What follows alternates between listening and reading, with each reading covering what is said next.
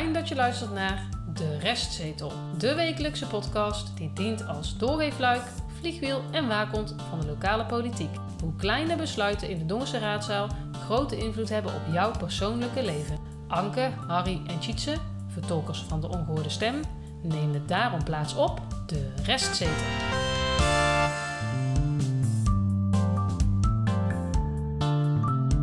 Dat is een heel andere situatie dan wanneer een kind van en naar school gaat.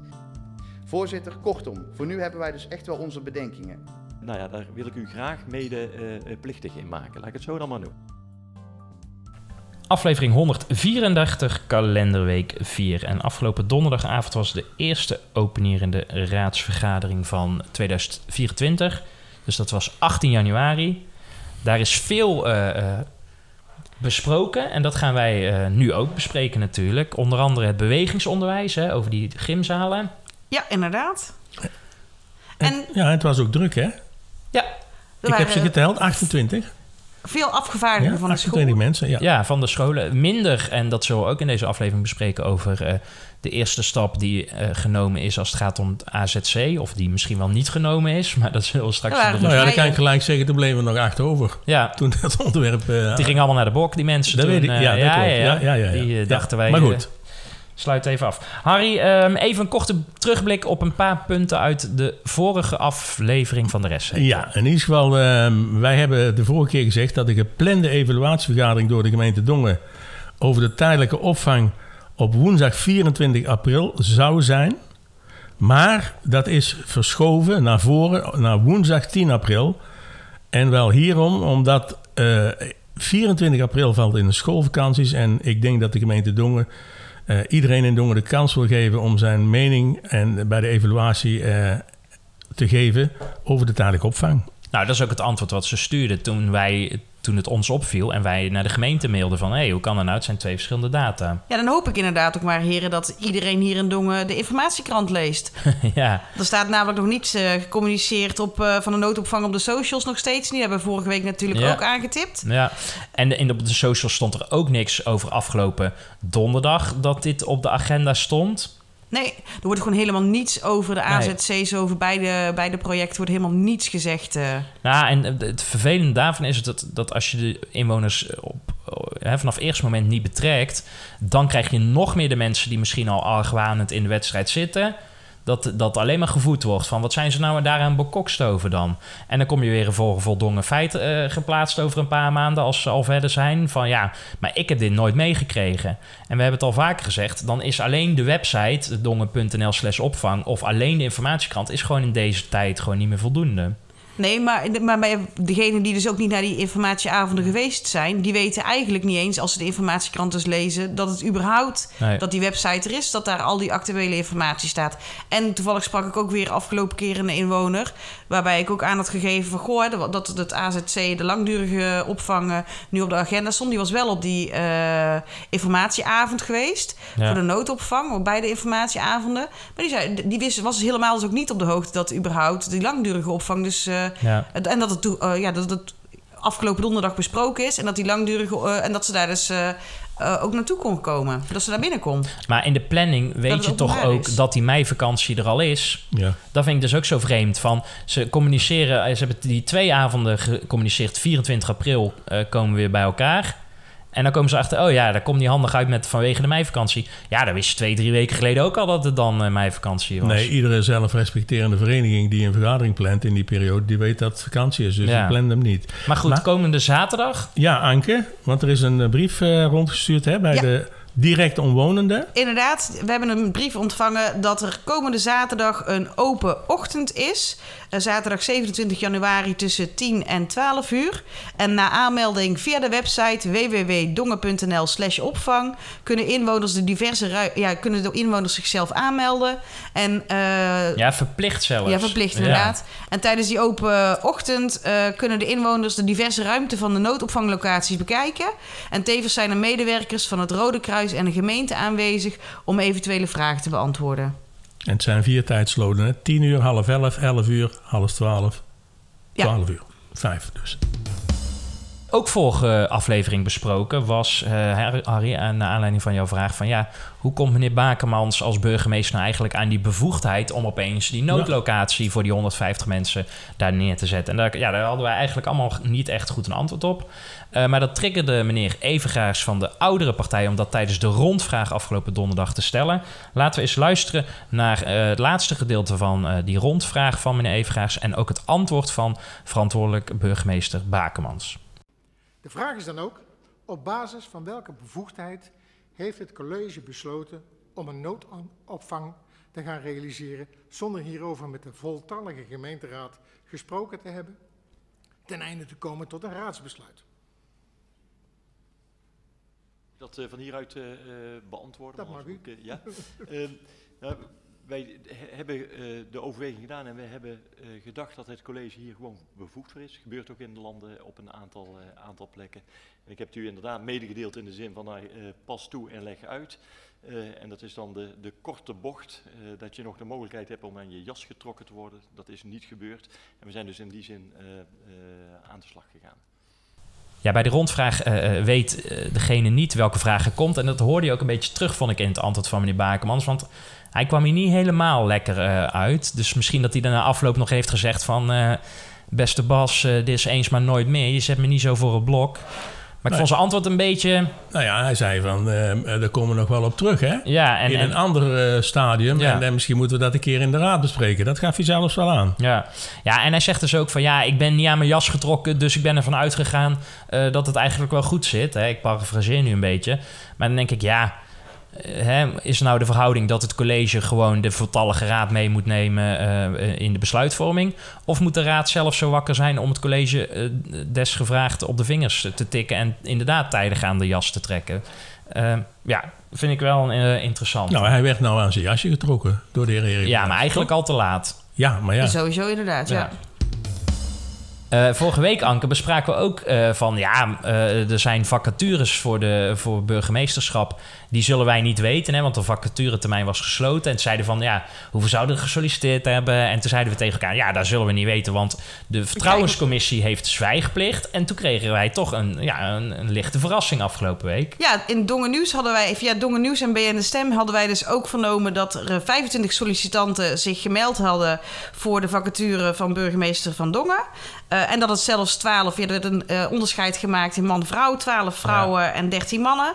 Uh, en onder hen zijn ze 17 kandidaten met een achtergrond als oud-burgemeester, oud-wethouder, of een rol bij de overheid of in de politiek. En acht sollicitanten die hebben een vrij beroep of zijn werkzaam in de particuliere sector. En ik dacht dat wij hier een persbericht inderdaad van ontvangen hadden. Maar dat bleek dus helemaal niet zo te zijn. Nee, nee, dit is via de provincie gekomen door mevrouw Adema. Ja, heeft maar, dat rondgestuurd. Ja, maar die zijn dan ons vergeten. Nou goed, dat kan ik me heel goed voorstellen. Maar wat ik heb nog even op de website van de provincie gekeken, maar daar zag ik ook niks.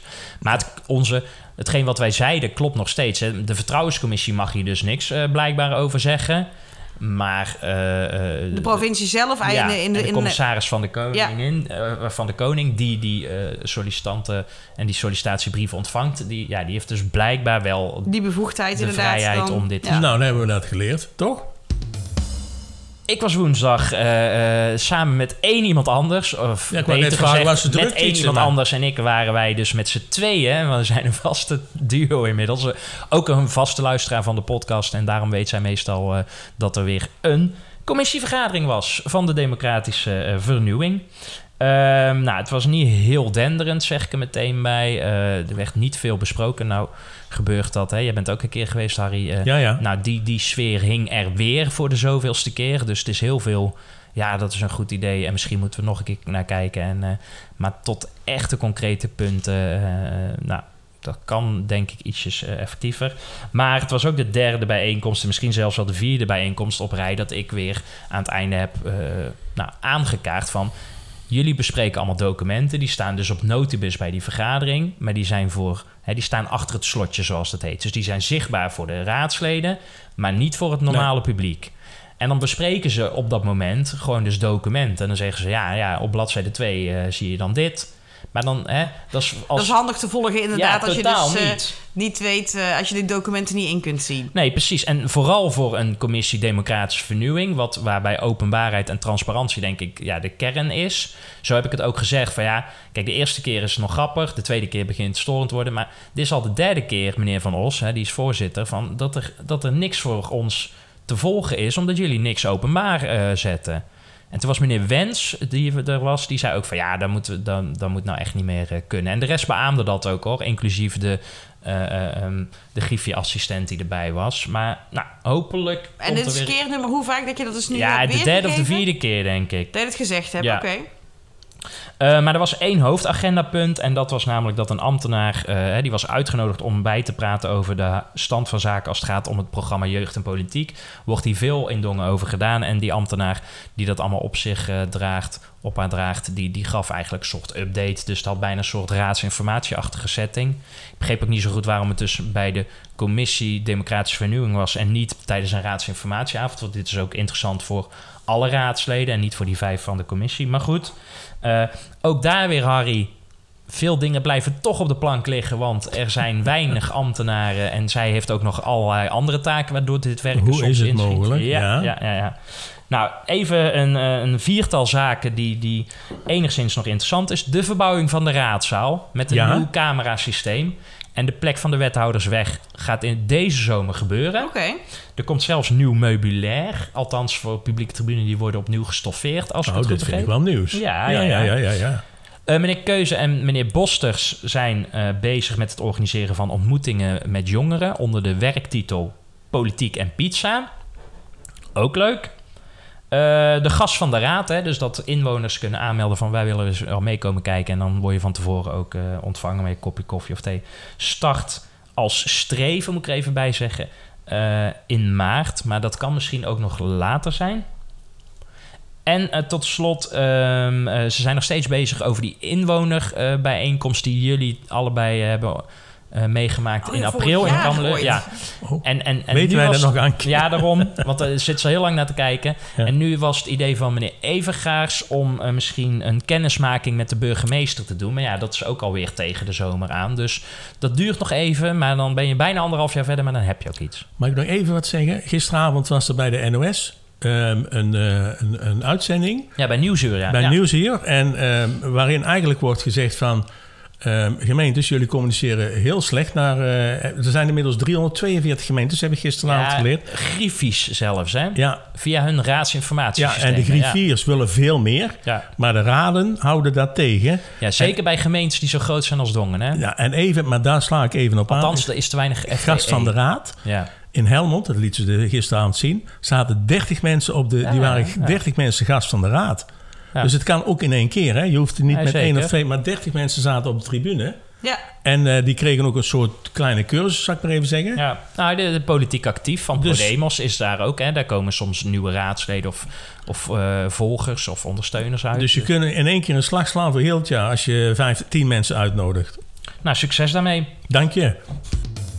Ik denk dat bijna niemand het ge- gemist heeft afgelopen weken. Maar er was nogal wat, wat dorpse reuring als het gaat om de eventuele komst van de feesttent van de Salamander eh, eh, op het Wilhelminaplein. En er was veel eh, commotie. Er waren veel tegenstanders tegen de komst, waaronder veel mensen van Horeca Dongen. maar ook omwonenden die ze, zich roerden in deze discussie. En afgelopen vrijdag is de kogel door de kerk gegaan. Ja. De vergunning voor dat feest wordt niet verleend. Eh, overigens, eh, volgens mij had hij wel gelijk een aanvraag voor het volgend jaar al Ja, stond eh, erbij, ja. gedaan. Ja. Dus, Dus- en ook voor een grotere capaciteit, hè? 450 man meer.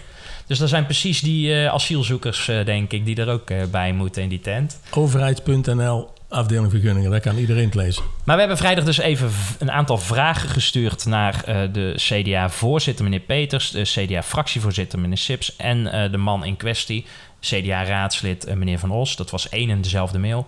En we kregen vandaag eh, netjes, en dat is altijd fijn, eh, een reactie van meneer Sips. En die zei, ja, ik beantwoord hem, want het gaat hier over, jullie stellen vragen over de politieke verhoudingen. Ja. En meneer Sips, die schrijft ons, en ik citeer nu... ehm, deze vergunningaanvraag staat los van het CDA en is ingediend door een particuliere organisatie.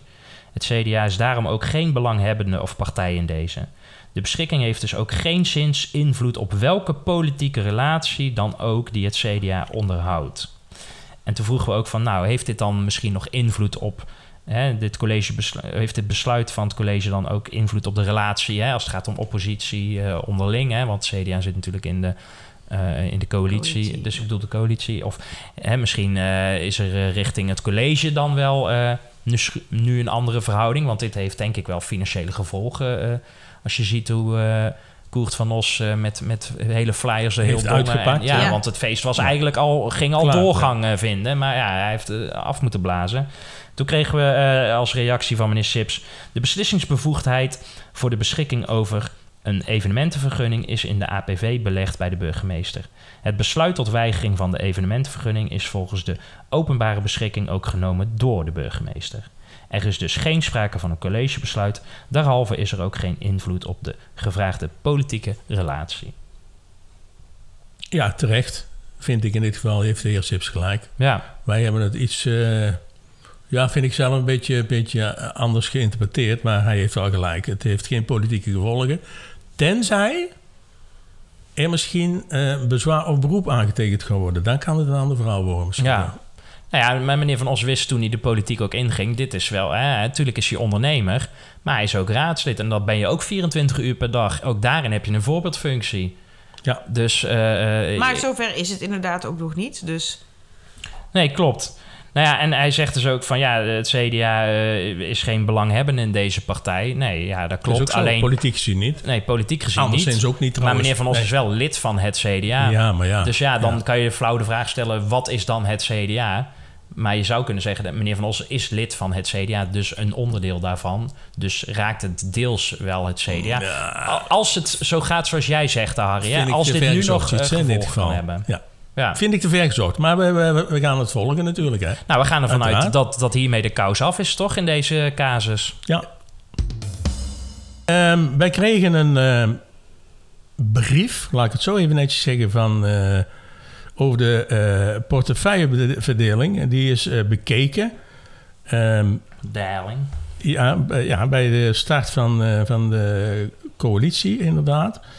Ehm, Ja, worden de portefeuille ver- verdeeld Ja, over de... maar nu is het zo dat er ja. dus een aanpassing is geweest. En ik zal even ehm, voorlezen welke aanpassingen dat zijn. En dat heb ik in eerste instantie gedaan eh, vanuit de portefeuilleverdeling van het coalitieakkoord toen dat geschreven werd in 2022.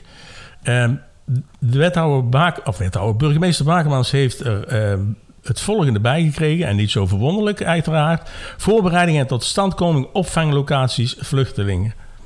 Bij wethouder Jansen is weggehaald afronding Beljaard en milieubeheer. Er is verder niets bijgekomen. Wethouder, bij wethouder de Jong is bijgekomen monumentenbeleid, milieubeheer, dus wat eerst bij Jansen zat. En huisvesting vluchtelingen is weg, maar gewijzigd in huisvesting statushouders. Nou, dat is ook niet zo verwonderlijk, hè? Vluchtelingen is naar eh Bakemans gegaan. ja. ja. Nou, eh, en weggehaald bij de heer De Jong is verstedelijking akkoord Bre- Tilburg-Breda. En er stond in, eh, in de eerste instantie stond er ruimtelijke ontwikkeling op, maar dat is aangepast in ruimtelijke ontwikkeling buitengebied. Binnengebied, excuus. Wethouder Kunst heeft erbij gekregen bibliotheekwerk, zorgvervoer, ouderenvervoer. En wethouder De Hoon heeft erbij gekregen ondernemersklimaat, inclusief het centrumgebied. Sociale activering, dat is volgens mij helemaal nieuw. Eh, het bekende dossier 380 eh, KV, hè, de, de, de, de bekabeling rondom... eh, Hoogspanningskabels ja. bij Schavenmoer. Ja. en dan ruimtelijke ontwikkeling buitengebied. Ja, en ik hoor jou nou een splitsing maken, Harry, Ja. bij de portefeuille ruimtelijke ontwikkeling. En dat deze portefeuille dus nu gesplitst is in een ruimteontwikkeling binnengebied en een ruimteontwikkeling buitengebied. Ja. En dan van het binnengebied, dat viel dan onder, meneer, of onder wethouder de Jong. Ja, En buitengebied onder wethouder de Hoon. Maar waarom is dat dan gedaan? ja, ja, ja, ja. Daar gaan geruchten. Laat ik dat dan toch maar even aangeven. Zo, Er gaan geruchten dat hij, dat hij inderdaad eh, en, en zijn familie... ehm, ja, meneer De Jong hebben het nou meneer de over? Ja. Jong grond heeft eh, in de Lage Ham. En omgeving. En omgeving. En dus achter de Noorderbunder. En het zou zomaar kunnen zijn dat dat een potentiële, we moeten het Ja, goed, eh, ja, een ja, potentiële het? Locatie? zou kunnen zijn voor de eventueel aankomstige mogelijke AZC, AZC. waar ze afgelopen donderdag over gesproken hebben. Zo dan. We hebben het nu genoemd en vermeld, dus wellicht, maar dat moeten we bekijken de, de, de, in de loop van de tijd. Maar zou daarom ook deze portefeuilleverdeling opeens op dinsdag op onze mat eh, of woensdag eh, zijn gevallen? Want daar kwam een beetje uit de lucht vallen, toch? Nou, ik- Van waar komt dit nou opeens vandaan? Waarom? Want dat stond niet vermeld in Nee, die nee, brief. nee, dat was al inderdaad alleen maar de indicatie van... God, dit gaat er gebeuren. Maar de aanleiding werd niet Nee, vermeld. nee. Nou Nee. ja, maar ja, dat is niet, eh, daar hoef je geen geleerde voor te zijn als je dus inderdaad ziet dat Bakermaans de vluchtelingen Nee, op oppakt. zich, hè? dat is natuurlijk logisch. Maar Eh, dat binnen- en buitengebied, dat vind ik wel een opmerkelijke. dat is een hele bijzondere, inderdaad. Want dat gaat niet over eh, een paar duizend euro dan, hè? Denk ik. Nee, dat denk ik ook Als niet. je die nee. grond verkoopt. Nee, En, eh, absoluut niet. nee. Dan praat je over miljoenen. Ja, precies. En dat is op zich eh, helemaal niet kwalijk als jij gewoon eh, bezitter bent van die grond. Maar als jij met je andere been in het gemeentebestuur, lees in het college zit, dan beginnen de wenkbrauwtjes wel al enigszins te fronsen natuurlijk. Dus wij horen graag van luisteraars als ze informatie hebben hoe dat nou precies zit in deze kwestie. Ik wil nog een paar dingen aangeven. Bij wethouder De Hoon, en dat vond ik een opmerkelijk, is inclusie. Dat is dus... ehm, ehm, Ja, waar de VVD zo voor is natuurlijk. Juist, Hè? Daar hoor je ze iedere week over praten. nou ja, die en broeder is vorige, ja, in, in, vorig, eh, ja, in oktober... heeft hij zich allemaal nog op de borst geklopt. Hè, van nou, dit is een onderwerp wat de VVD graag Ja, wil. En op de politieke agenda gekregen. Het is helemaal weggeschreven. Het is nergens meer te zien. Vind ik vreemd. En dan moet ik er ook bij zeggen... dat zal de heer Ino Cornel niet blij mee zijn. Want dat is een luisteraar bij ons. Dat mogen we ook wel zeggen. En hij is inderdaad de karttrekker van dit onderwerp bij de VVD. Maar ook in de Dongerse gemeenschap. Ja, ook al een tijdje niet meer gezien. Hè? Nee. Moeten we hier nog meer over zeggen? Nou ja, wat ik wel ook nog zag, eh, wat ik zei net, het is een brief die we gekregen hebben, geen raadsinformatiebrief. Ik denk, welk nummer zitten we nou? Dus ehm, deze ehm, had eigenlijk onder het volgnummer 2405 moeten staan, maar daar stond geen volgnummer bij. Dus ehm, ik ben gaan kijken en er stond wel een datum bij, een dagtekening. En dat was ehm, 17 januari 2024. Maar deze brief, eh, daar stond dus geen nummer bij van een rit, maar wel 2405 bovenaan die brief. Nou, toen ben ik terug gaan kijken en die denken, dat is toch raar? En wat blijkt nou? Ehm, op 24.05.2022 ehm, is er ook al een wijziging geweest van de portefeuilles. En hierin ehm, staat dat wethouder de Jong eh, verantwoordelijk is voor de portefeuille, portefeuille ruimtelijke ontwikkeling, wat ik er straks, met uitzondering van het gebied grenzend aan de nieuwe bestemmingsplan Noorderlaan. Dus dat was Ja, dat- wat nu de Noorderbunder is, Ja. eh, volgens de werktitel. en dit gebied is toen dus nergens belegd. En ook niet bij een andere portefeuille. Nee. Dus, Dus er zijn dus ontwikkelingen. Er zijn heel rare dingen bezig wat Ja. dat dan gaat. Ze hebben het denk ik niet goed gelezen. Conclusie. Er is Geknipt en geknipt en geplakt. hè, Ja. volgens mij. Werd toen ook al aangegeven dat de jong eh, een verantwoording heeft over dit gebied. Komt dus, Nou, waar, waar waar werd er aangegeven? nou ja, over het gebied eh, in de Noorderbunder. Ja, op die manier. Ja. Ja. ja. Maar niet zo expliciet, maar tussen de regels. door. En ja. misschien ook wel een, eh, een, een, een, eh, iets voor de gemeenteraad. Waarom worden hier geen vragen over gesteld? Want ze hebben dat gewoon niet gezien. En met name ook over inclusie wil ik dan nog even meegeven. Ja. Donderdag zijn er ook weer twee raadsleden toegevoegd aan het geheel. Dat zijn twee oude bekenden, namelijk namens de Volkspartij Kees Hoevenaars. En hij vervangt mevrouw Kiemenij, die met zwangerschapsverlof is gegaan. En weer eh, voor de tweede termijn eh, meneer Van Rosmalen van D66. En hij vervangt voor de eh, derde termijn daarmee dus meneer uh, Jury de Jong. En daarom, ze hadden allebei een andere ontslagdatum. Hè, dus mevrouw Kiemenij en meneer de Jong. En daarom zit er ook twee, zijn twee verschillende data die vermeld zijn. Dus meneer Van Rosmalen blijft een weekje korter dan meneer Hoevenaars. er werd weer per acclamatie gestemd. Dat is weer tegen de regels van de gemeentewet. Daar hebben we al zo vaak over gehad en tegen geageerd. Maar blijkbaar kan dat gewoon in Dongen. En ik zag ook dat de openbare eh, vergadering van de geloofsbrieven, de onderzoek ervan, hè, tot toelating, die is pas weer heel laat gecommuniceerd. Die stond heel laat op de agenda van noodbis. Ik dus denk- ik denk dat er niemand bij was. Ik denk die donderdag zelf pas. Ja. Want ik geloof dat er het woensdag nog niet op stond. Nee, nou ja, goed, dan weten we dat ook weer. Ehm, ja, en dat was afgelopen donderdag stond ook het bewegingsonderwijs op de agenda. Ehm, en twee situaties hebben geleid tot een groot onderzoek naar de mogelijkheden voor het bewegingsonderwijs voor de toekomstige IKC's Heilig Hart en de Biezen. Als eerste, met de nieuwe vastgestelde leerlingenprognoses groeit het aantal leerlingen van IKC Heilig Hart naar 454 leerlingen. Waardoor dat er andere eisen gaan gelden met betrekking tot een maximale afstand van de school naar de locatie voor het bewegingsonderwijs. Hierdoor heeft het Heilig Hart recht op een gymvoorziening binnen een straal van 1 kilometer van het schoolgebouw.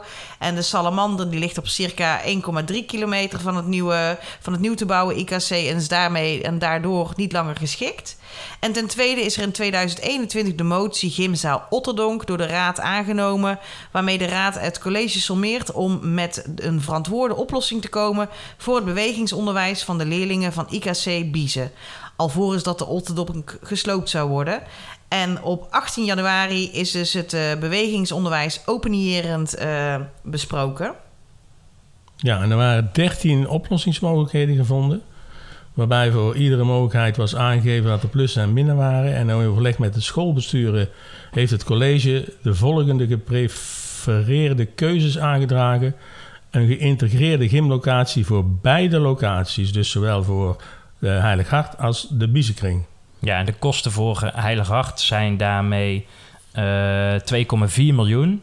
Want ze moeten de tekeningen eh, weer opnieuw doen. En het maken van die nieuwe tekening Ja. kost 4,5 ton. Ja, Ik kreeg ook vanuit eh, onze luisteraars via onze WhatsApp verschillende vragen van hoe kan het zo duur zijn? En, en dat, dat kan niet kloppen. Maar nergens heb ik ook. Want die, luisteraar die zei: van, kan ik daar ergens teruglezen? Ik zei ja, ik neem aan dat de raadsleden hier ook over vragen stellen. Maar ik heb niks gezien of gehoord qua vragen waar, waar die 4,5 ton voor een gymzaal aan een gebouw vastplakken. Ja, ik zeg het Het is waarschijnlijk inderdaad niet net te het is een tekening en het gaat over het herzien van een bouwtekening. Nou ja, en de Biezenkring, eh die geïntegreerde gymzaal, zal komen op 1,4 eh, miljoen. Eh, opvallend, hè, want dit werd bijna afgetikt. Dit, dit onderdeel duurde nog geen 10 minuten, denk ik. En, en, en volgende week, bij wijze van spreken, hebben ze het weer over eh, iets van wat 5000 euro kost. En daar hebben ze dan 3,5 uur over. vrijwilligersvergoeding of zo. Bijvoorbeeld, eh, ja, ja, ja. Want wa- IKC Heiligacht zou ook vertraging weer eh, gaan oplopen. Hè? Want meneer Vurens, de schooldirecteur van Heiligacht, die heeft nog ingesproken. En die zei van ja, het is minder dan was. Hè? Hij zei, ik herken me niet in de. Nou ja, inderdaad, het college dat gaf, aan dat het 1 tot 2 jaar zou duren. En hij zei inderdaad dat het 5 tot 6 maanden Ja. maximaal eh, vertraging op zou leveren. Ja. En dat de nieuwe IKC, of de, het IKC Heiligacht, eh eind 2025 zou het opgeleverd moeten worden.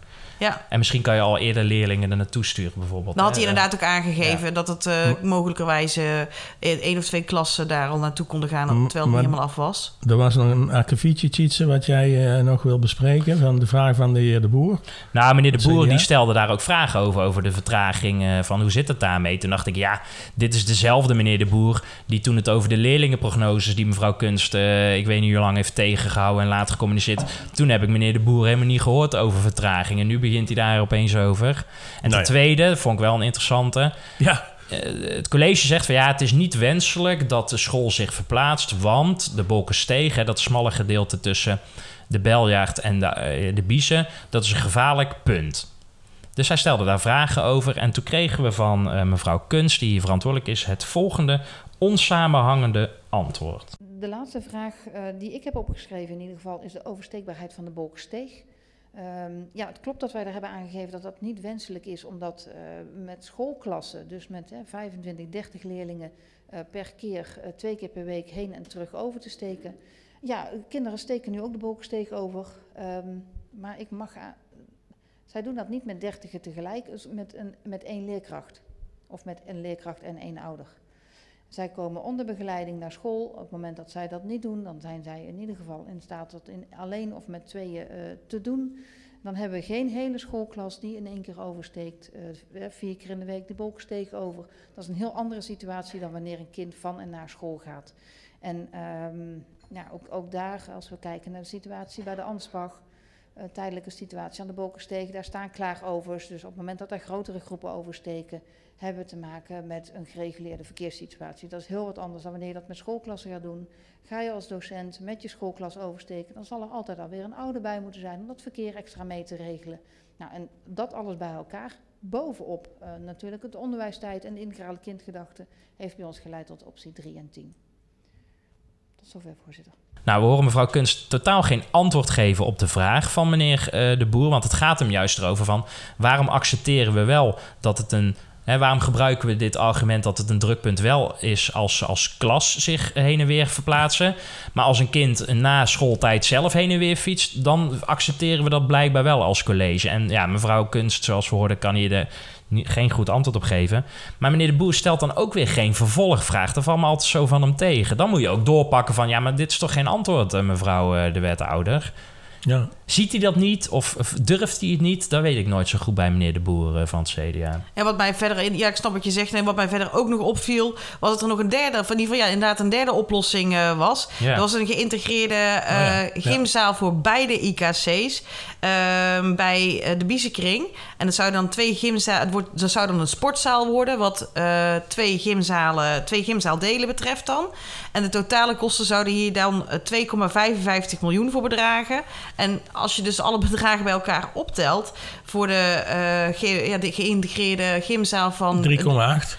Ja, inderdaad. Ja. Dan, dan zou een voordeel van 1,25 miljoen zou dat dan opleveren. En er wordt dus helemaal niks over gevraagd door de raad. Er wordt niks over gezegd. Ik, en ik snap de argumenten dat het uh, kostbare lestijd is voor het verplaatsen van de leerlingen die jij verspeelt met het lopen naar een locatie uh, vanuit de Heilige Hart naar de Biezenkring. Maar ik vind 1,25 miljoen voor uh, uh, lestijd uh, best duur. Ja. Inderdaad. En, maar ook, en, en het meest bizarre, inderdaad, wat jij ook aangeeft, dat er over heel veel andere dingen eigenlijk. Heel lang gesproken. Heel lang gesproken wordt. En dit wordt inderdaad gewoon zo afgetikt. En die 1,25 miljoen, die, wordt, die laat ze gewoon liggen. Maar het is binnen, hè? Uh, ja, het is een hamerstuk zelfs. Vuurs, het is een hamerstuk. Ja, zeg, dus het knap is gedaan. Ja. Knap gedaan. De raadsvergadering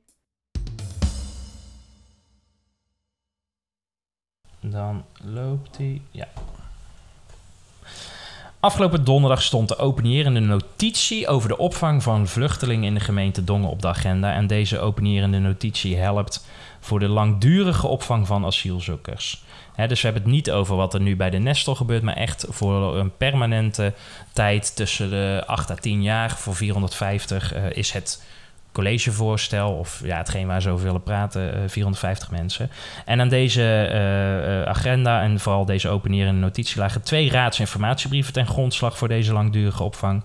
Namelijk eentje, raadsinformatiebrief 46 van afgelopen jaar juni en een raadsinformatiebrief van afgelopen jaar juli. En ja, om de geluidsfragmenten zo meteen te snappen, moeten we een wat langere aanloop nemen om dit goed te kunnen duiden. Wat er nou eigenlijk gebeurde afgelopen donderdag tussen raad en burgemeester. Want anders is het niet te volgen. Dus laten we eerst eens kijken naar uh, de raadsinformatiebrief 46 van 13 juli. Ja, tijdens de besluitvormende raadsvergadering van 13 juli 2023 heeft raadsinformatiebrief 46 met datum 29 juni huisvesting vluchtelingen, vluchtelingen ter kennisgeving voor de raad op de agenda gestaan.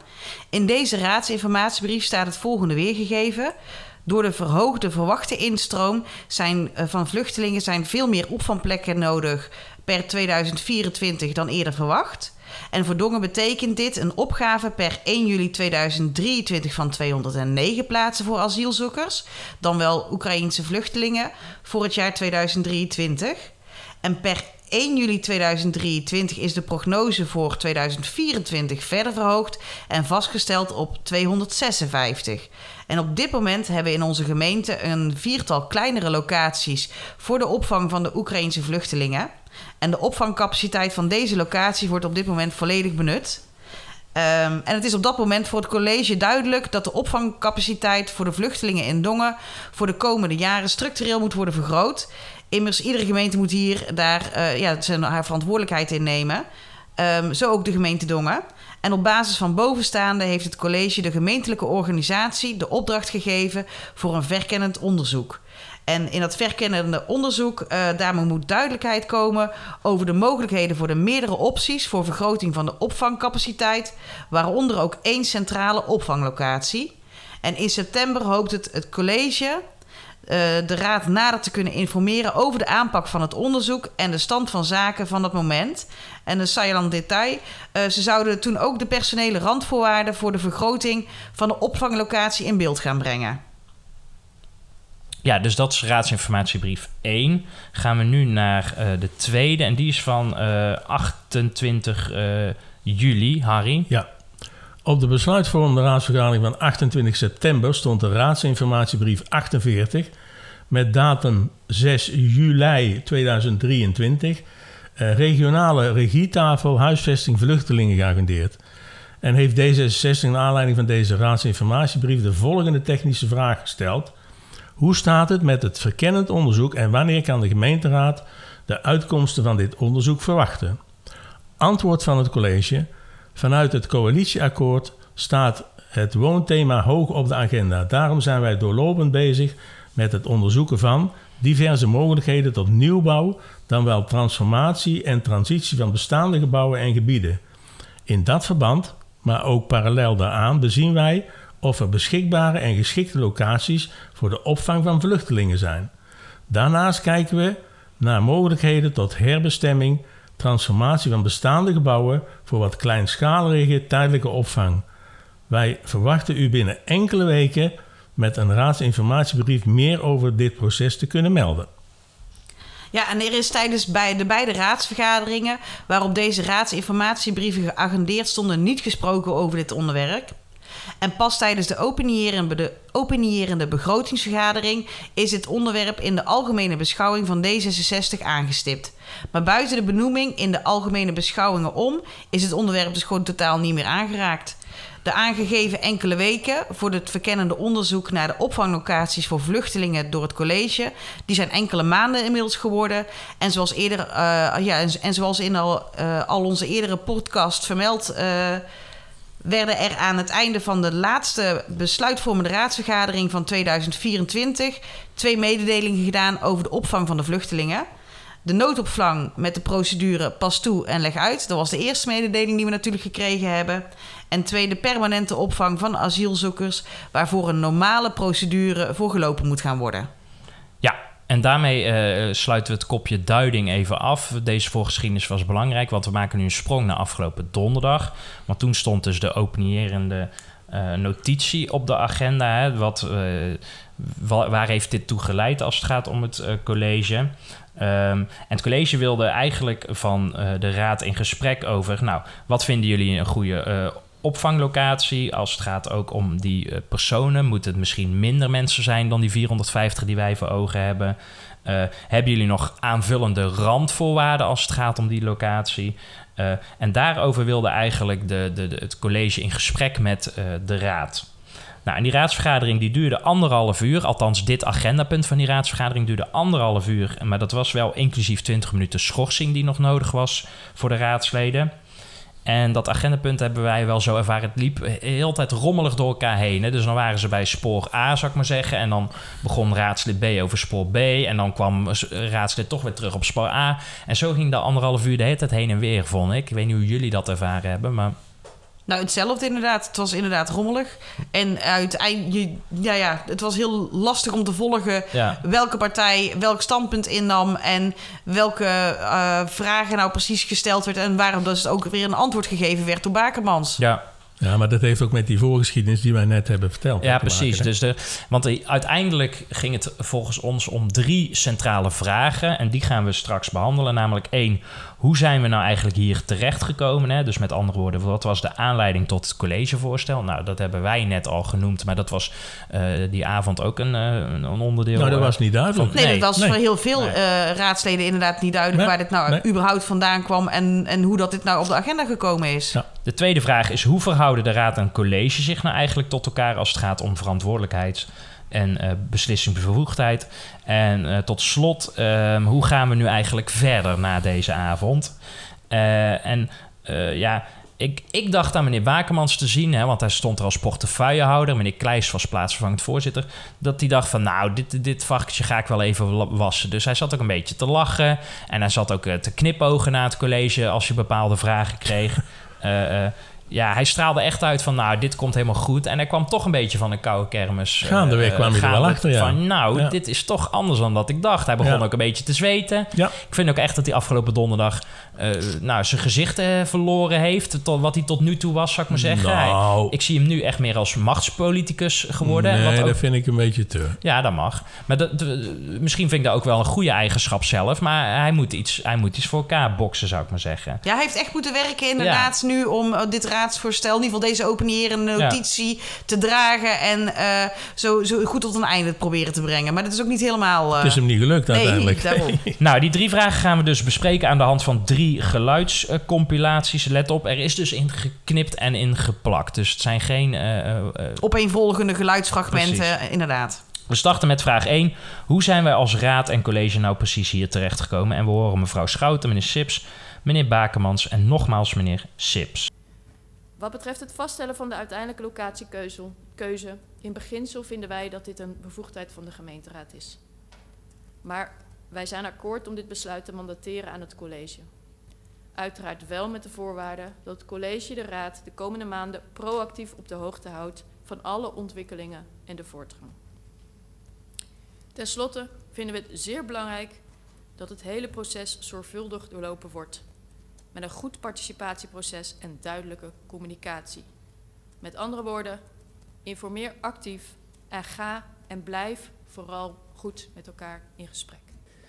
Wat ons betreft wordt de definitieve beslissingsbevoegdheid over de locatiekeuze dus nu nog niet bij het college weggelegd, maar wordt daarover in een latere fase beslist. Des te meer omdat de Raad nu, nu ook niet besluitvormend optreedt.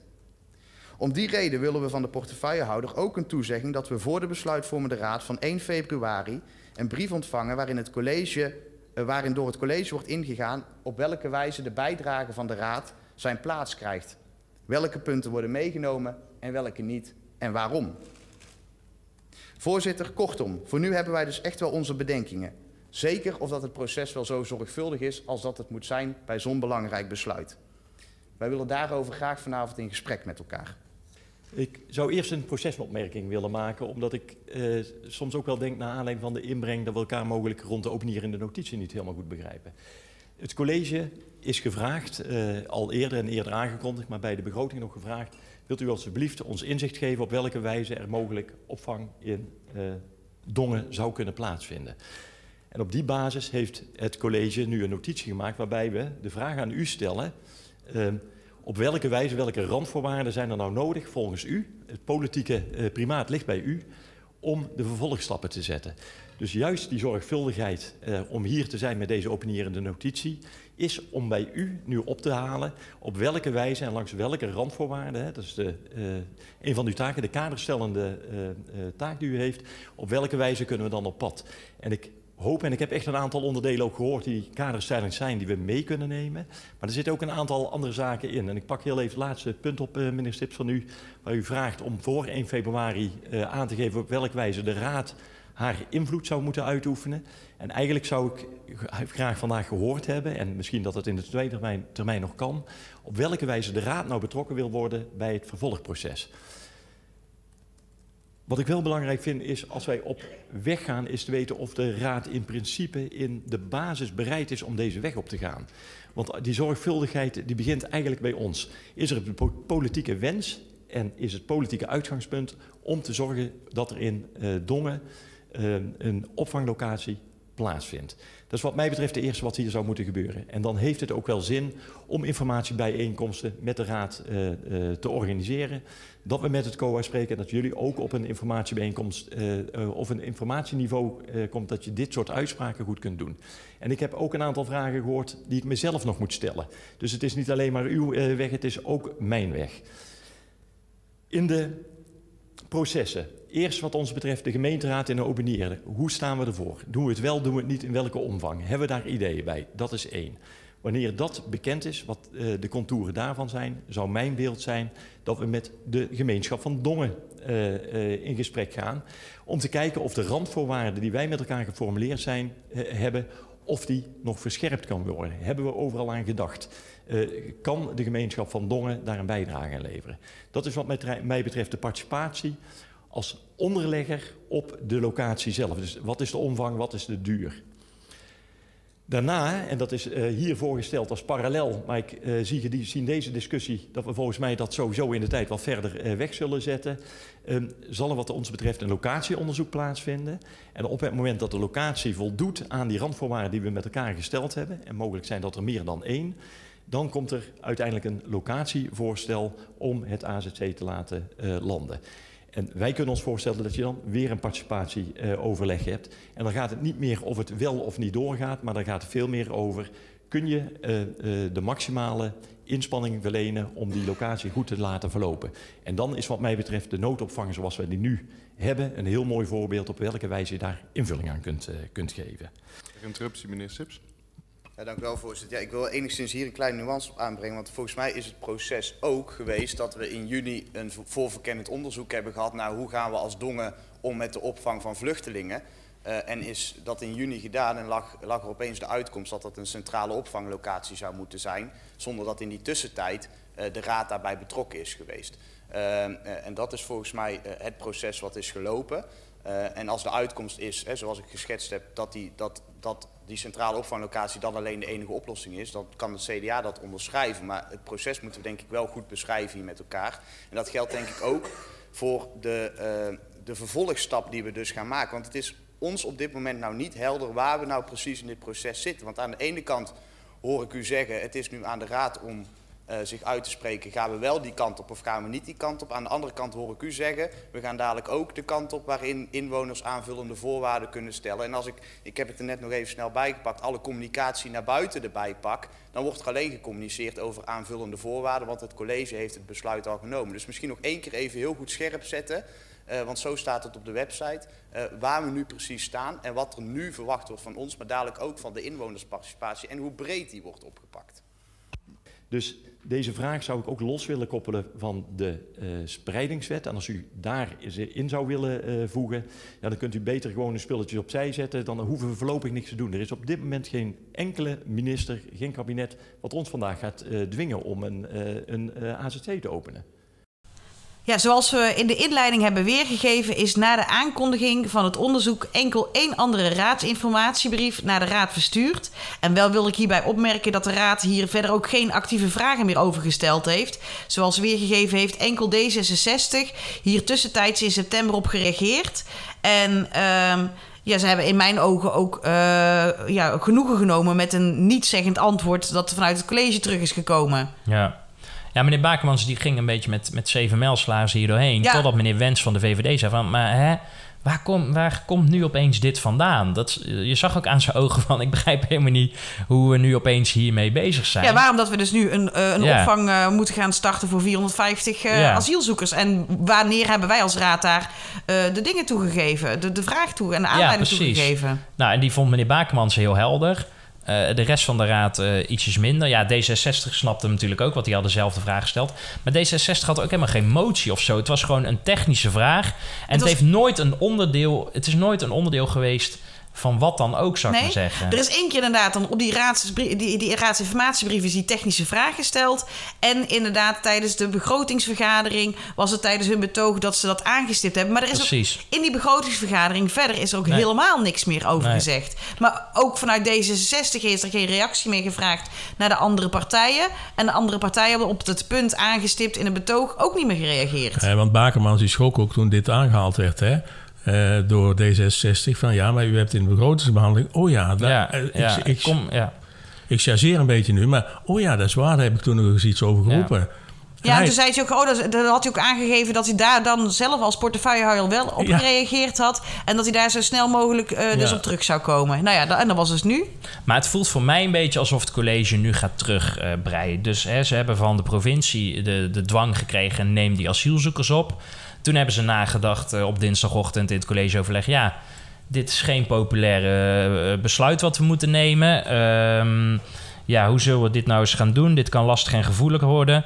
Nou, laten we net doen alsof het verzoek vanuit de raad kwam. Dan kunnen wij als college hier makkelijker mee wegkomen. En toen hebben ze dus als, als haakje aan de kapstok hebben ze dus die vraag van D66 uh, uit, uit een archief gewist. Van hé, hey, dat is een mooi haakje waar we, het op, waar we ons beleid op kunnen gooien. En dan lijkt het net alsof het vanuit de raad komt en dat we een soort opdracht uitvoeren. Maar het is nooit breed gedragen geweest. Ja, D66 heeft er een vraag over gesteld, maar nogmaals, geen motie. Nee. Uh, geen één andere partij heeft gezegd, nou, dat zouden wij ook heel erg fijn vinden. Dus allemaal heel dun en glad ijs, hoor, vind ik. Nou, misschien toch eventjes nog in, in, in juli vorig jaar, hè, 2023, was de opdracht uh, voor de gemeente Dongen om statushouders plus uh, uh, Oekraïners, 206 mensen te, te, per 1 januari, per 1 juli 2023 is dat verhoogd naar 264. Dat speelt ook een rol, maar toen dachten ze van, nou ja. moeten we iets gaan ondernemen. Ja, ja, Want hoe krijgen we dat nou ooit voor elkaar? Maar dat even ter aanvulling. Goed, we hebben nu gehoord en besproken dat Bakemans het moeilijk had om uit te leggen waar die politieke vraag dus vandaan kwam voor een eventueel AZC. Uh, maar diverse fracties vonden het ook nog veel te vroeg om antwoord te geven op ja, de, de vragen en de randvoorwaarden waar meneer Bakemans uh, uh, graag het over wilde hebben. Uh, maar er lag, nog, er lag eigenlijk nog een vraag ter tafel, namelijk hoe verhouden de Raad en het college zich nu tot elkaar als het gaat om die verantwoordelijkheid en die beslissingsbevoegdheid. en dan krijgt meneer Bakemans het in mijn ogen ook nog moeilijk, want hij krijgt best wel ja, vragen vanuit de raad. Laten we luisteren naar weer een geluidscompilatie. Uh, want het was meneer Den Broeder van de VVD die een principevraag stelde. En hij werd dus door plaatsvervangend voorzitter meneer Kleijs gevraagd om die vraag nog een keertje toe te willen lichten. Ja, en meneer Bakemans reageert er dan op inderdaad. Meneer Den Broeder, zou u die vraag willen toelichten alstublieft? Ja, u, u stelt de vraag en um, het allerbelangrijkste is bij toch wel impactvolle beslissingen als deze is, is voldoende maatschappelijk draagvlak. Vanwege ook de impact die dit heeft op onze gemeenschap. Dus we kunnen wel als raad hier uh, met elkaar een discussie aangaan wat, wat vinden. Want u, vraagt, u stelt de principevraag, eigenlijk begint met de principevraag... willen we het überhaupt wel of niet, even ja. los van de aantallen en de voorwaarden. Dat is namelijk invulling. De principevraag ja of nee. En de eerste principevraag aan wie we dat moeten neerleggen is onze bewoners, niet de raad. Wij zijn slechts de vertegenwoordigers van onze bewoners. Ja, en, en, op die basis, en op die basis zit u hier? Dames en heren op de publieke tribune mag ik u vragen om stil te zijn, ook niet te klappen of geen reactie te geven alstublieft. Meneer Bakermans. Nee, meneer de Broeder, en op die basis zit u hier hè, namens uh, die inwoners en u heeft ook een verantwoordelijkheid daarin. Hè. Dus uh, u kunt met heel veel besluiten die allemaal impactvol uh, eerst naar de inwoners gaan. En ik denk dat die participatie veel meer moet gaan over op welke wijze dat invult. Als deze gemeenteraad, want het kan hè, als de gemeenteraad zegt, nou ik wil eerst met inwoners uh, in gesprek gaan of we überhaupt dit moeten doen. Uh, maar dan komen we wel in een heel ingewikkeld uh, stelsel. Hè. Dus in de regio zeggen we dat we gezamenlijk verantwoordelijkheid hebben. Um, we, hebben we leveren als Dongen onvoldoende, dus we moeten een stap zetten. Gelukkig heeft het college de opdracht gekregen van de Raad om daar een voorstel in te doen op welke wijze daarop te reageren. Dus daarin zijn we volgens mij in de, uh, uh, in de goede methode terecht. En u brengt mij daarin wel terug op een plek waarvan ik zeg, nou, uh, beste Raad, wij hebben ook verantwoordelijkheid te nemen naar dit probleem, naar het systeem. En ik ben blij dat ik eigenlijk daar ook de eerste stepping stones van, van gevonden heb. Um, en waar ik naar op zoek ben, eigenlijk uh, ben ik op zoek naar welke randvoorwaarden u in zou willen vullen om het te laten lukken. En wij hebben hier uh, randvoorwaarden opgesteld als college waarbij wij zeggen, met deze randvoorwaarden, met deze omvang, met deze termijn, denken wij dat wij een succesvolle uh, AZC op zouden kunnen richten. En die toets doen we bij u. En uh, daar, daar, daar, horen een aantal vragen bij. En ik uh, merk vooral dat we op een aantal onderdelen volgens mij nog gewoon kennisachterstand hebben uh, om deze discussie misschien ook goed te voeren. Dus in, in het licht wat hier gevraagd is, wil u een informatiebijeenkomst is beleggen gewoon met het COA, met mensen die kunnen vertellen op welke wijze dit soort processen lopen. Daar zeg ik ja op, want dat is volgens mij een hele belangrijke. Misschien wel om deze discussie die nu misschien veel meer zit in de zin begrijpen we elkaar, om die wat beter te laten lopen. Ter interruptie, meneer De Broeder. Uh, dank u wel. De discussie ontstaat met name omdat er juist nog zoveel uh, vragen en open eindjes zijn. Ja. En onze belangrijkste vraag is eigenlijk, dat begint bij die bewonersparticipatie. Uh, ik denk dat je daar, daar het begin van het proces zit.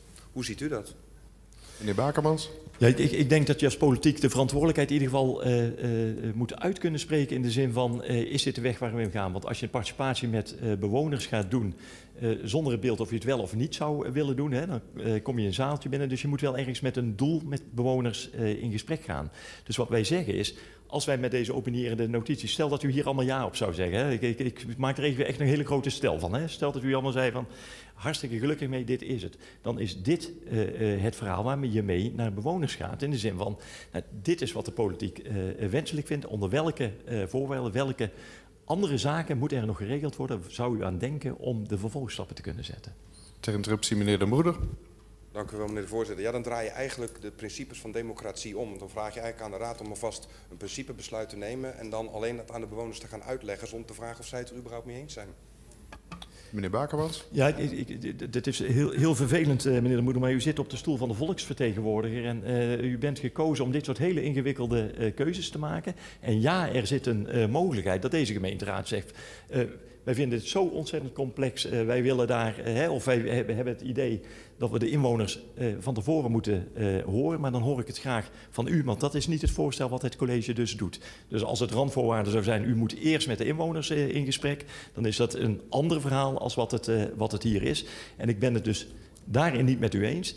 Ik vind echt dat de eh, politiek het primaat heeft, hè, op basis van verkiezingen dat u hier zit, om dit soort ja, soms ook ingewikkelde besluiten te kunnen nemen. En die mogen wat mij betreft aan alle kanten opvallen, maar het primaat ligt wat mij betreft bij u. Dus wat mij betreft is juist die zorgvuldigheid ontzettend belangrijk.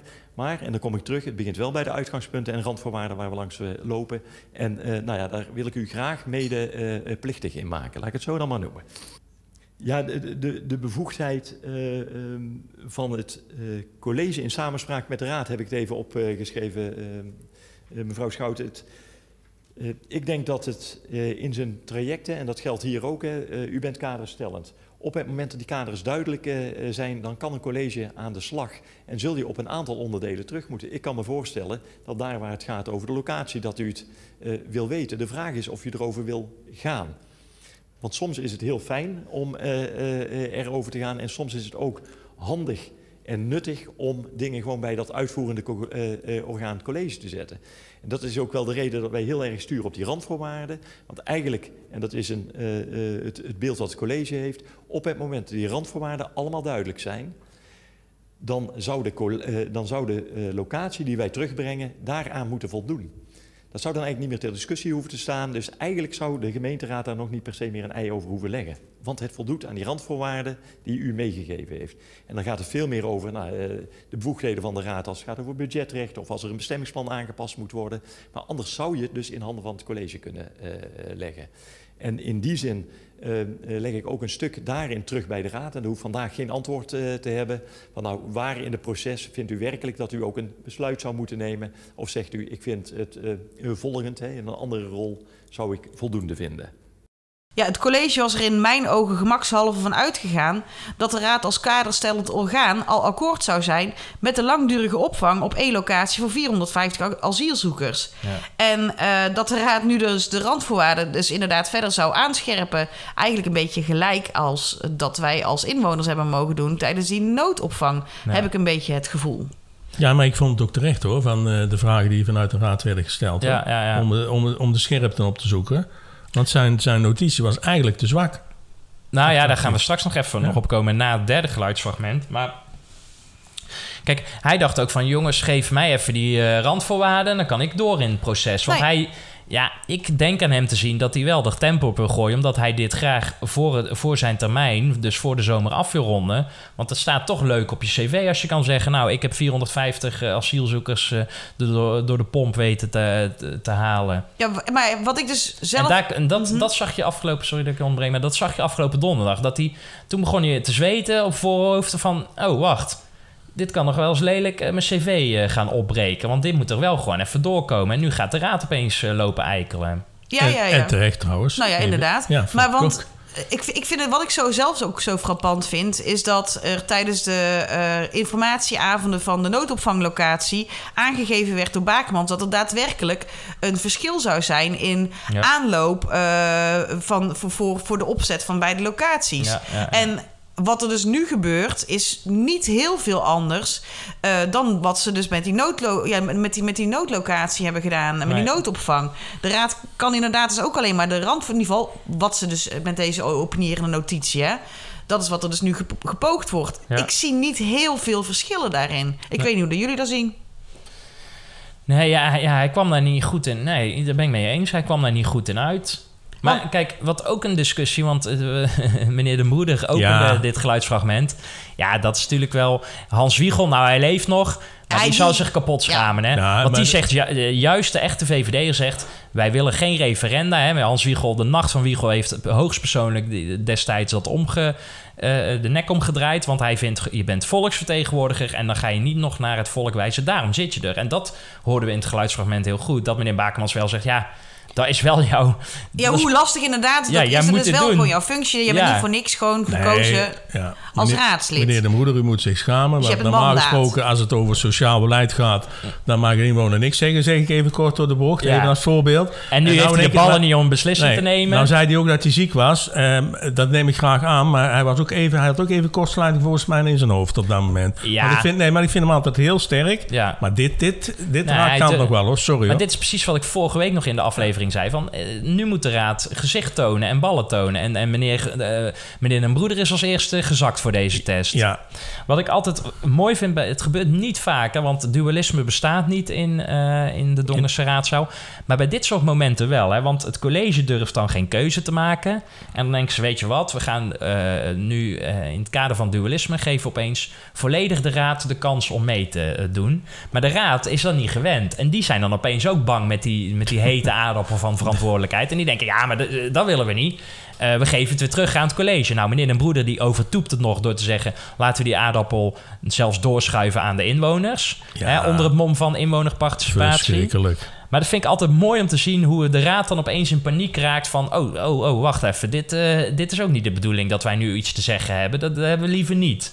En dat is altijd, daar wordt altijd uh, ja, als een soort Tim de Cler die in, in, een volle kuip opkomt. En dan is hij bijna bij het doel en dan weet hij het zelf niet meer. En dan, dan schiet hij de bal over de zijlijn. voor, voor de kenners onder ons is dit. Maar dat vind ik altijd mooi te zien aan de raad. Nou goed, zullen we naar het laatste uh, fragment gaan, Anke? Want we hebben de vraag over hoe verhouden we nu... Uh, nee, uh, hoe zijn we hier nou gekomen? Ja. ja, die hebben we nou behandeld. En wat was dus de aanleiding tot het collegevoorstel... wat we dus nu net hebben uitgelegd? Ja. En hoe verhouden de raad en het college zich nu tot elkaar... met betrekking tot de verantwoordelijkheid en de beslissingsbevoegdheid? Die hebben we dus ook al behandeld.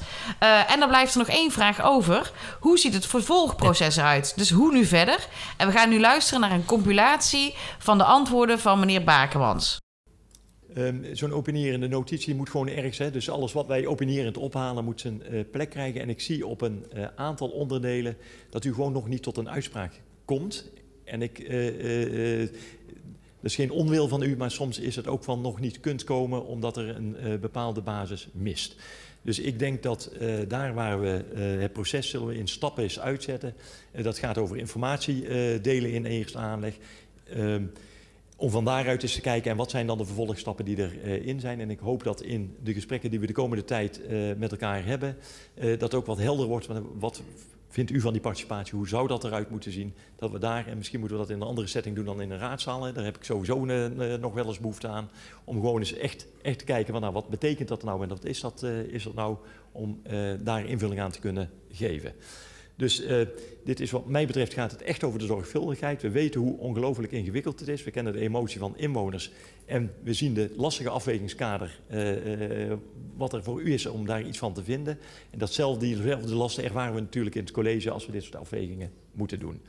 Dus wij zetten wat mij betreft heel even op de rem in de zin van dat we gehoord hebben wat hier besproken is. Dat er een aantal knoppen zijn waarvan wij zien dat u daar aan zou willen draaien, of in ieder geval de uitkomsten daarvan wil kennen op het moment dat je daaraan zou kunnen draaien. Zodat je uiteindelijk dan een randvoorwaardenpakket hebt, uh, hebt waar je met elkaar van zegt, nou ga daar maar mee op stap. Ja, meneer Bakermans die roept uh, in dit fragment van ja, moeten we eens een keer bespreken in een andere plek dan in de raadzaal. Maar bedoelt hij dan in de achterkamertjes of bedoelt hij in de kameleur? Nou, ik hoop dus inderdaad in de kameleur. En dat want dat denk ik ook hoor. Hij, maar... hij heeft, er was natuurlijk ook meerdere keren ook gevraagd om een informatieavond, ja. raadsinformatieavond. Dat volgens mij PD die dat voor die, die, die de vraag meerdere keren had gesteld. Ja, en, Ehm, en- ja, want ze willen nu eigenlijk dat het COA nog een keer komt uitleggen. Inderdaad, uitleg komt geven over hoe dat het in zijn werk gaat, eh, dat soort dingen. Maar is, de, is dit nou, hè, jij zei het net al, Harry, maar is dit nou een calculatiefout geweest? Zijn ze te vroeg gekomen met deze openerende notitie? Ik, Hebben de ambtenaren zitten slapen? nee, ik denk dat ze het niet gevolgtijdelijk wat wij hebben opgezond met die raadsinformatiebrieven, dat ze dat niet scherp in, eh, in- voor ogen hadden. Hm. Daar ben ik eigenlijk wel van overtuigd. Ja. En hij ziet dat nou zelf ook, want hij trok zijn keutel een beetje in. Ja, hè? ja, En terecht, hè? even voor de duidelijkheid. Want in september is natuurlijk die, die tweede raadsbrief gekomen. Als ze in september in die, die- met die tweede raadsbrief, als ze daar zelf verder ook nog een onderwerp van hadden gemaakt of informatie hadden teruggekoppeld op een andere manier dat het besproken zou kunnen worden in de raad, denk ik dat er eh, een andere, ehm, eh, noem het eens, een Sfeer? sfeer Ja. had gekomen. En had het Eerst een al- beetje een vijandige sfeer afgelopen donderdag. ja, want het- er wordt nu iets Ja. naar ons toe ge- geworpen waar we niet weten waar het vandaan komt. Maar dan kan het gedragen gaan worden. En dan, maar dan weten ze ook van oké, dit is be- het behandeld in juli. Hebben we deze brief gekregen, de raad, et cetera. En kunnen ze daarmee doorgaan. Ze- het was precies dezelfde het sfeer die, ik bij veel inwoners tijdens de raadsinformatieavond in de zag. Van ja, maar wat willen jullie nou van ons? En eh, hebben we nog wel iets te zeggen, ja of nee? Nou, dat is waar ik, Ja. waar ik aan refereer. Ja, maar hij ook. heeft nou dus wel gezegd van jullie hebben eigenlijk wel wat te zeggen. Want nogmaals, hij trekt zich eh, niet Ja. terug. Maar, eh, en even nog voor, voor het laatst. Laten we ook even benoemen, zowel het CDA als de oude Partij van de Dongen als D66 hebben eigenlijk aangegeven, wij willen iets. Ja. Laat ik dat zo even zeggen. Hè? Ja. Dus ze hebben niet we zijn gezegd, niet tegen. Nee. Ja. Sterker nog, ze zeiden we zijn voor de komst van Ja, een voor Vorm, het opvangen ja, van. ja. eh, ja. En- maar niet inderdaad, maar niet zoals de openierende notitie het voort heeft nee, geschreven. Niet per Het- se. Nee. nee, inderdaad. Dus we kunnen nog eens een keer... En de Volkspartij Dongen, dat, dat was weer een twijfelkont van, eh, van hier tot Tokio. Die hadden, maar- die hadden gewoon heel veel vragen. En eigenlijk. Ja, maar, ja, maar die vragen mogen natuurlijk wel gesteld ja worden. zeker, zeker. En vooral als je niet weet waar het vandaan komt. Nee. En misschien nou ooit nog eens kunnen zeggen, ehm, eh, de VVD zou die nou, hè, daar kunnen we straks nog eens een keer een voorspelling bij maken in de toekomst, zou die nou voor of tegen zijn? Daar ben ik wel benieuwd naar. Nou, tot slot, het lijkt erop alsof het college dacht: hey, kunnen we die eh, noodopvang die we gaan doen, die ons door de strot geduwd wordt, kunnen we die niet meteen koppelen aan ook de opvang van heel veel asielzoekers, zodat we in één keer die pleister. Hè, want ze gaan ook boven het, het, hetgeen wat ze moeten doen ja, qua 204 mensen. 264 zouden ze moeten doen. Ja, en ze gaan naar 450. 450, hè, dus ze hebben, het, het ziet er ook een beetje uit alsof het college denkt... nou, laten we dan die pleister maar heel groot maken... en in één keer eraf trekken.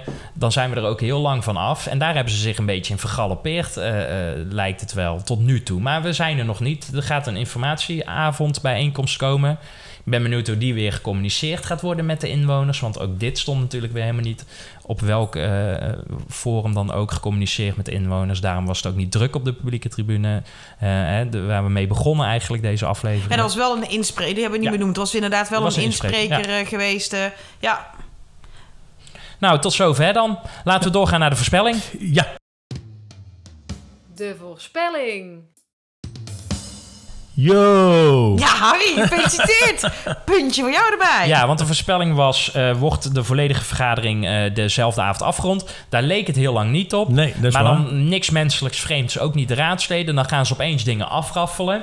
Ja, inderdaad. Alles eh, wat Ja. na die eh, eh, op, opvangen op de agenda stond, is Ja. eh, heel snel afgetikt. Ik hoorde zelfs een raadslid van het CDA, ik dacht dat meneer De Boer was, die zei... Nou, dit een gedeelte van mijn eh dat betoog sla ik even over. ja, maar jongens... Ja, maar daar zijn er meer hoor. Ja, maar, dat, maar dat moet niet de reden zijn. Ja, maar goed. Zij, moeten toch, zij zijn een lekenbestuur, maar dat betekent niet dat Nou ja. ze op die manier eh, eh, om moeten gaan met wat er gebeurt in Nee, maar ik heb wel een puntje Ja, verdiend. puntje voor dankzij jou. meneer de Boer.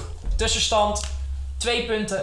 Harry en Anke en ik allebei vier. De voorspelling voor komende week. Want aanstaande zaterdagochtend is dus die open ochtend slash dag bij eh, de noodopvang. Daar mag iedereen naartoe als je maar aanmeldt.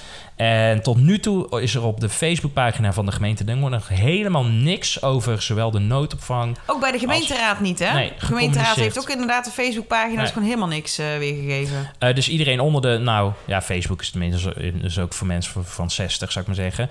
Maar ik denk dat heel veel inwoners eh, niet volledig op de hoogte gebracht zouden kunnen worden. Dus de vraag is: zal er voordat de open dag plaats gaat vinden nog iets gecommuniceerd worden op de Facebookpagina van de gemeente Dongen? Ja of nee? Nou, ik ga Mijn briefje staat er. Ja, Ja, wat heb jij? ik heb nee.